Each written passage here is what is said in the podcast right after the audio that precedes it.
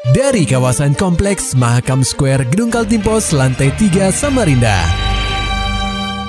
96,8 KPFM. Kita akan ikuti program KP Flash News.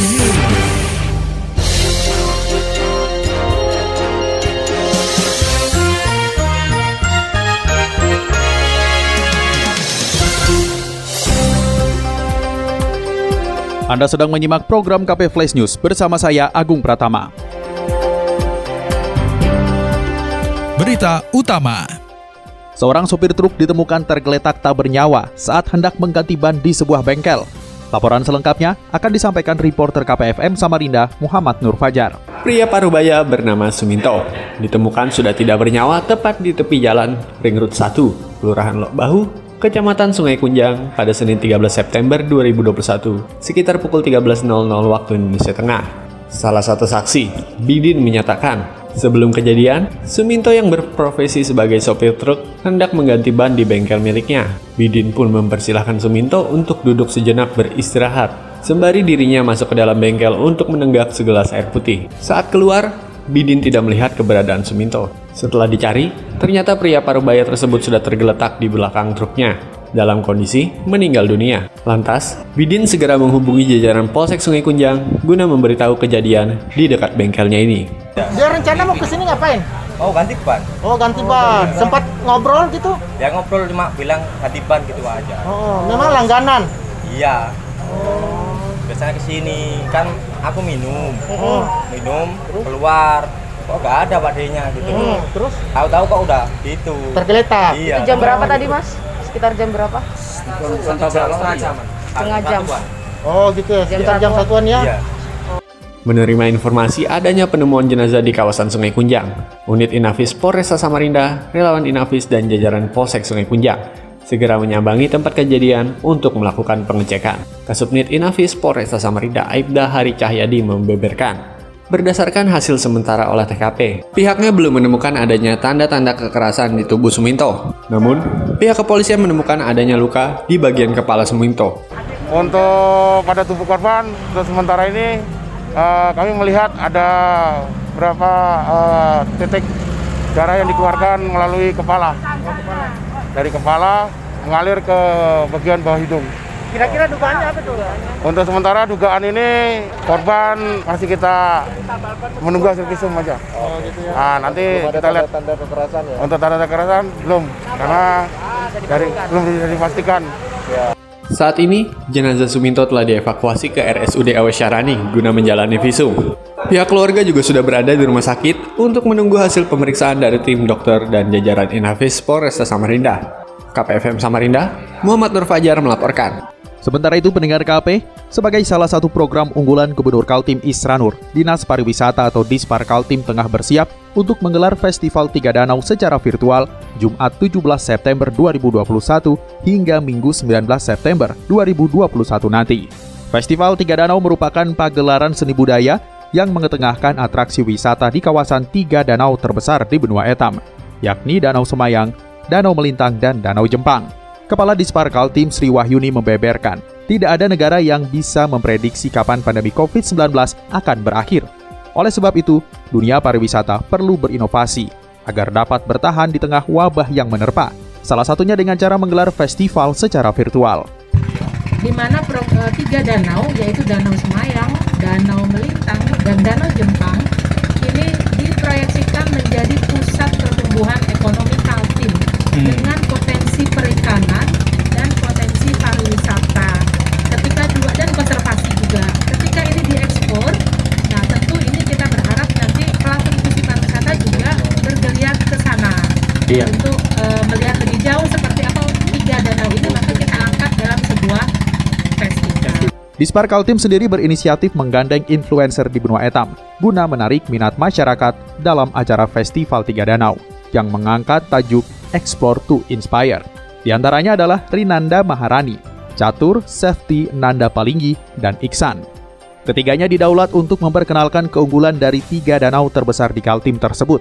Rinanda Maharani mengatakan, tidak hanya mengekspor pariwisata di sana, pihaknya juga berperan dalam memperkenalkan kehidupan masyarakat dan budaya yang ada di tiga danau itu. kita kemarin pertama kali sempat ke Danau Jempang. Jadi di Danau Jempang itu ada tiga daerah yang sempat kami datangi juga. Ada daerah Mancong, Tanjung Misui, dan Tanjung Jan.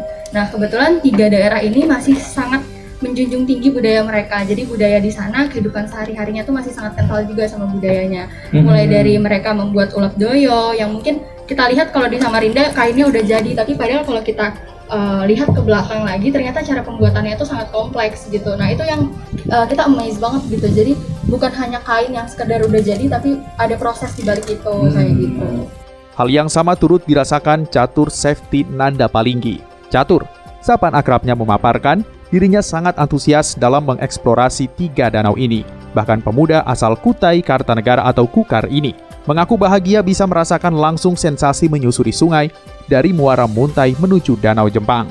Catur menegaskan, hadirnya para influencer di sini tidak hanya sebagai penikmat pariwisata, melainkan untuk mengorek keunggulan dari tiga destinasi ini, serta mencari tahu bagaimana kehidupan masyarakat di tiga danau ini. Kan kita sebenarnya kebanyakan juga orang itu cuma tahu namanya aja. Kebetulan nama-nama danau ini sering dipakai sebagai nama jalan. Ah, Nah, iya, terutama kalau di Kukar kan gitu mas. Tapi ditanya danau ini di kabupaten mana aja? Mereka nggak tahu apalagi letaknya di kecamatan mana sama nggak tahu lagi. Jadi Betul, betul. eh, harapannya setelah melakukan perjalanan ini mereka itu tahu value dari kalau mereka ke sana tuh apa sih yang mereka dapatkan. Karena kebanyakan kan apalagi warga lokal mungkin kalau ingin berwisata di daerah kita itu kayak mikir aku emangnya harus ngabisin segini untuk melakukan perjalanan ini padahal mereka nggak tahu apa sih yang mereka dapatkan dan itu sangat luar biasa contohnya aja kayak yang Rianda sudah jelaskan tadi Sementara itu, komika asal Samarinda Iksan yang turut didaulat mempromosikan Festival Tiga Danau ini. Turut menceritakan pengalamannya saat berkunjung langsung ke destinasi tersebut. Iksan menyebut bahwa setiap danau yang mereka kunjungi memiliki hal-hal yang unik, terutama jika menyaksikan langsung kehidupan masyarakat di sana. Orang mungkin ngelihat mungkin suku yang pedalaman itu uh uh nanti ini bakal mengerikan apa segala macam. Ternyata enggak gitu. Saya kan basicnya berangkat dari seorang stand up komedian ya saya banyak ngobrol dan bercandaan gitu. Iya. dia, dia kan pakai alat-alat eh, tradisional tuh Iya, iya. gitu. Eh, maksudnya menyambut kita gitu. Orang biasanya mungkin awalnya ngelihat uh ini ngeri banget nih. Tapi begitu saya ngobrol bercandaan "Ini dari apa nih? Ketawa-ketawa aja jadi seru banget gitu bang. Jadi itu menurut saya salah satu yang menyenangkan mendapatkan energi membuka pikiran ter- terkait toleransi mendapat- mendapatkan energi pik- membuka pikiran bahwa orang-orang di dalam pedalaman itu memang menyebut baik kita orang-orang yang datang sana dan itu sangat menyenangkan pribadi buat saya. Bang Lebih lanjut, terkait detail mengenai keunggulan dari destinasi wisata Danau Jempang, Danau Melintang, dan Danau Semayang, Iksan menyarankan agar masyarakat bisa langsung menyaksikan Festival Tiga Danau yang digelar secara virtual pada tanggal 17 sampai 19 September 2021 nanti. Angkatan Muda Pembaharuan Indonesia atau AMPI DPD Kota Samarinda menggelar rapat pleno pada Sabtu 11 September 2021. Rapat perdana di bawah kepengurusan baru tersebut membahas sejumlah hal, mulai dari efektivitas penempatan posisi SDM pada bidang-bidang, program kerja, hingga pengembangan operasional organisasi. Ketua DPD AMPI Kota Samarinda Ari Wibowo mengatakan, tantangan organisasi ini adalah harus menjalankan program-program di tengah pandemi COVID-19, di mana hampir semua kegiatan masyarakat dibatasi untuk menekan penyebaran virus corona. Satu tahun pemimpinan kami di sini rencana memang mengenalkan AMPI dulu ke masyarakat Samarinda. Yang pertama, yang kedua ya program kerja inilah yang akan rencana kita mau gaungkan apa itu. Yang pasti unit-unit usaha pasti kita hidupkan. Kalau selama yang kemarin saya yakin karena unit usaha tidak jalan, jadi organisasi juga nggak jalan. Insya Allah kalau unit usaha jalan ya yang hari ini kita diskusikan ke semua pengurus itu unit-unit usaha, link-link usaha yang kita bisa jalan bareng, insya Allah ke depan otomatis gitu. Menakodai AMPI Samarinda, Adi didampingi Nur Aslam Zulkifli sebagai sekretaris dan Rudi Suwardi di posisi bendahara, menerapkan pola yang lebih humanis. Ari tak segan menerima masukan dari anggota AMPI yang lain. Sementara itu dari dunia olahraga, pengurus kickboxing Kaltim gelar kejurprov, sekaligus ajang seleksi bagi atlet untuk ikut cabang olahraga eksibisi PON ke-20. Laporan selengkapnya akan disampaikan reporter KPFM Samarinda, Maulani Alamin. Belum lama ini, cabang olahraga kickboxing resmi menjadi anggota KONI Kaltim.